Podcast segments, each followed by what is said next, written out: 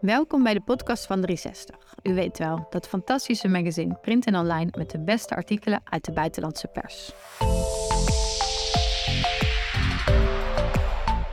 Kopenhagen heeft een wolkbreukbeheerplan. Met de opwarming van het klimaat kan Kopenhagen waarschijnlijk veel wolkenbreuken verwachten. De Deense hoofdstad heeft daar al ervaring mee en daarom worden parken en straten aangepast om snel enorme hoeveelheden water te kunnen afvoeren. Kort na ene, op een grijze woensdagmiddag in een park in Kopenhagen-Zuid, vertelt Ditte Jules Sørensen hoe ze van plan is de hondenweide, als het nodig mocht zijn, onder water te zetten. De groene ruimte bestond voorheen alleen uit een doorweekt grasveld, een vervallen speelplaats en een stuk of wat modderige paden. De laatste zeven jaar heeft de 46-jarige landschapsarchitect het terrein echter een volledig ander aanblik gegeven. Tegenwoordig markeert het de monding van een onzichtbare rivier die door Kopenhagen slingert en die is aangelegd om de stad te redden in geval van hevige regenval. De weide gaat het water opvangen, zegt Sørensen. En dankzij deze kunstmatig gevormde rivierbedding zal het worden afgevoerd. Ze wijst naar een rood-geel geplaveid pad dat terugvoert naar een kinderboerderij. In totaal kan de onzichtbare opvangplaats 15.000 kubieke meter water bevatten, wat ruwweg neerkomt op 83.000 tot de rand gevulde badkuipen. Het park is een van de eindpunten van een uitgebreid netwerk van bovengrondse en ondergrondse kanalen, groenplaatsen, speciaal aangepaste wegen en afwateringsvijvers.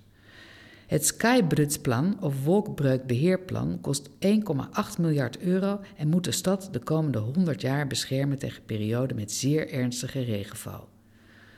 Extreem weer trof afgelopen zomer heel Europa en zal zich in de toekomst met de toenemende opwarming van de aarde waarschijnlijk nog vaker voordoen. Sommige delen van het continent hadden te maken met hittegolven, branden en droogte. Andere werden getroffen door onvoorspelbare stormen. De Deense hoofdstad is een van de locaties die worden bedreigd door hevige regenval en overstroming. In juli viel er in Denemarken twee keer zoveel regen als normaal. Meer dan de afgelopen 149 jaar ooit in één maand was waargenomen. Velen dachten daarbij terug aan 2011, het jaar dat de stad een soort collectief trauma beleefde. Een moment van chaos dat achteraf kan worden gezien als een wake-up call.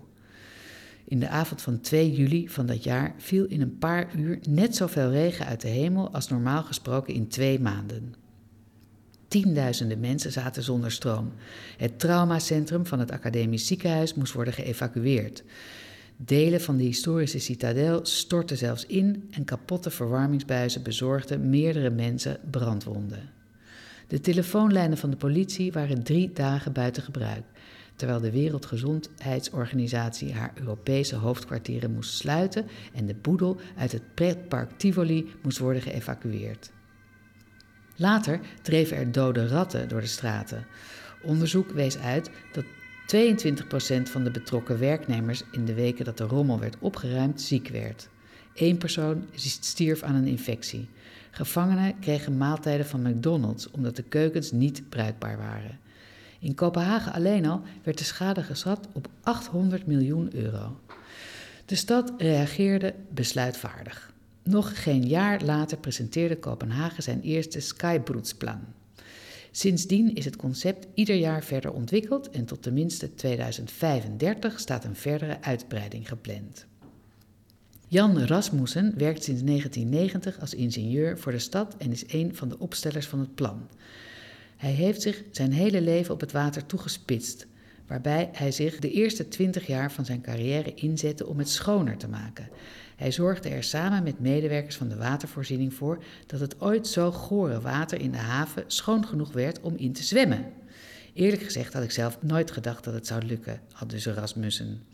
Tegenwoordig doet hij zijn uiterste best om het zo te houden. Als er in korte tijd te veel water uit de hemel valt, raken ook de beste afvoersystemen overvoerd. Rioolzuiveringscentrales en afvoerbuizen kunnen de toevloed niet aan en ondergrondse ruimtes stromen over. In een dichtbevolkte stad zijn er weinig natuurlijke wegen voor het water om te ontsnappen. Dus volgt het de weg van de minste weerstand en baant het zich in een vieze, modderige stroom een weg door de stad. Je moet het temperen en in banen leiden, zodat het geen schade veroorzaakt, zegt Rasmussen. Na de storm van 2011 maakte hij samen met andere experts een overstromingsplattegrond van het regenwater. Ze documenteerden de stijgingen en dalingen en markeerden ook dichte oppervlakten, daken en groene stukken grond in hun overzicht. De plattegrond gebruikten ze om de routes uit te lichten die het water zou nemen, evenals de plekken waar het op obstakels zou stuiten. Uiteindelijk stond de stad voor drie keuzes. De eerste was helemaal niets doen. Op basis van het IPCC-klimaatrapport berekende Rasmussen en zijn team de kosten van de gevolgen van die optie op meer dan 2 miljard euro in de komende 100 jaar. Meer een gedachtenexperiment dan een reële optie. De tweede optie was het klassieke draaiboek volgen en zorgen voor meer afvoerbuizen en bassins. De derde optie was verrassender en zacht gezegd ongebruikelijk, maar leek verreweg de efficiëntste weg om te bewandelen. Het behelste de ontwikkeling van een model dat bestond uit een combinatie van een ondergronds netwerk van faciliteiten voor het afvoeren en opvangen van overtollig water, parken die zouden dienen als reserveopvanglocatie en straten die in periodes van intense regen konden fungeren als rivieren. We hebben hiervoor gekozen omdat het zinniger is. Het Skybridge-plan levert meer op en kost minder, meent Rasmussen. Het idee is dat Kopenhagen een stad wordt die ondanks de bevolkingsdichtheid het water kan opnemen en langzaam weer kan vrijgeven.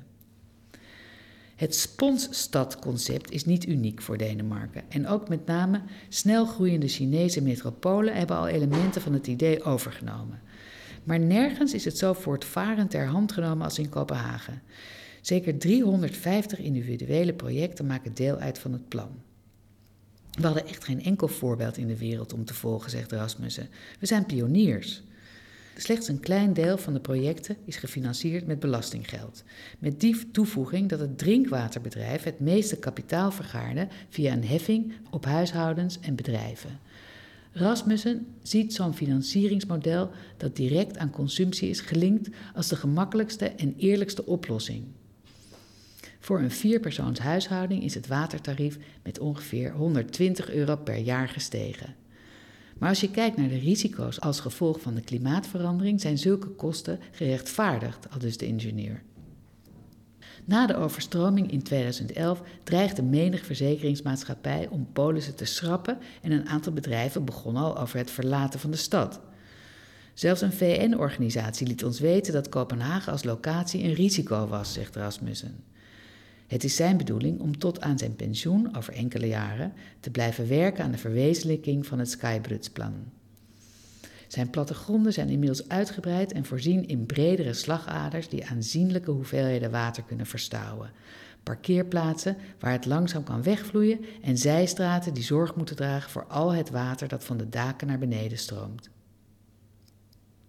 Ditte Jules Sørensen, de projectmanager en landschapsarchitect, een van de elf die door Kopenhagen voor het Skybridge-plan in dienst werd genomen, gaat ons voor naar een strook groen. De locatie op de Scandiagade is zo klein dat ze niet eens op Google Maps als park staat aangegeven. Hier zijn zeven betonnen bassins geïnstalleerd die op het eerste oog nauwelijks te zien zijn. Er is een vlindertuin, er zijn moestuintjes en er hangt zelfs een hangmat. Een felgekleurd looppad verbindt het ene bassin met het andere. Het voorbeeld toont perfect hoe de stad het Skybridge-plan wil aanwenden om de kwaliteit van leven voor bewoners te verbeteren. Het projectteam vroeg de mensen hier wat ze wilden, zegt Sørensen, en de consensus was meer kleur en meer natuur. Dus werd de ongebruikte strook land omgetoverd in een stadstuin. Alleen het laatste bassin, helemaal aan het eind, bevat momenteel een beetje regenwater. De grond is er vochtig. De weg parallel aan de groene strook werd enigszins aangepast zodat tijdens zware regenval water vandaar in de bassins kan stromen. Vanuit de bassins kan het water ofwel in de grond sijpelen, ofwel via ondergrondse kanalen naar de haven worden afgevoerd. Publieke participatie heeft ervoor gezorgd dat de meerderheid het project steunt, zegt Sørensen. En dat is niet de enige reden waarom de lokale bevolking erbij is betrokken. De hoop is dat de stadstuin de bewoners zal aanmoedigen om de boel goed te onderhouden en te voorkomen dat de bassins vol komen te liggen met rotzooi.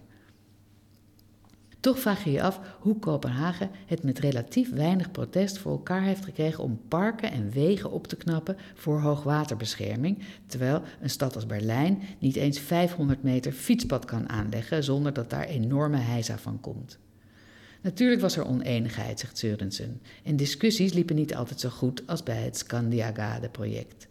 In de buurt rond het Karensminde Kulturhaus, een cultureel centrum waar waren de bewoners aanvankelijk niet erg enthousiast over de plannen om hun park om te bouwen tot afwateringsgebied voor de rest van de stad. Ze zegt dat ze drie jaar lang regelmatig bijeenkomsten met omwonenden belegde en hen verzekerde dat de linden en de populieren die beschermd zijn zouden blijven staan. Uiteindelijk mochten de buurtbewoners de straatstenen en banken in het park kiezen, maar het plan zelf stond nooit ter discussie. We dragen allemaal een gedeelde verantwoordelijkheid, aldus Sørensen. Sommige van de projecten zijn overigens zo onopvallend dat niemand ze überhaupt opmerkt. Meer naar het noorden bijvoorbeeld, in Enghavenparken, is een inline hockeyveld aangelegd, omringd door een lage betonnen muur. Leden van de Jeu de Boule Club ernaast gebruiken die muur om op te zitten of hun wijnglas op te zetten. Ze zijn verbaasd als ze horen wat de ware functie van de muur is en zeggen nooit te hebben bevroed dat de ruimte bedoeld is als bassin om regenwater in op te vangen. Iedereen heeft nog duidelijk herinnering aan de ramp in 2011. Aan trouwjurken die onder de modder zaten en aan vernield meubilair. Het is absoluut de juiste beslissing voor de stad om dit te doen, zegt Rasmus Lutken, een kunstenaar en architect die lid is van de Jeu de Boel Club.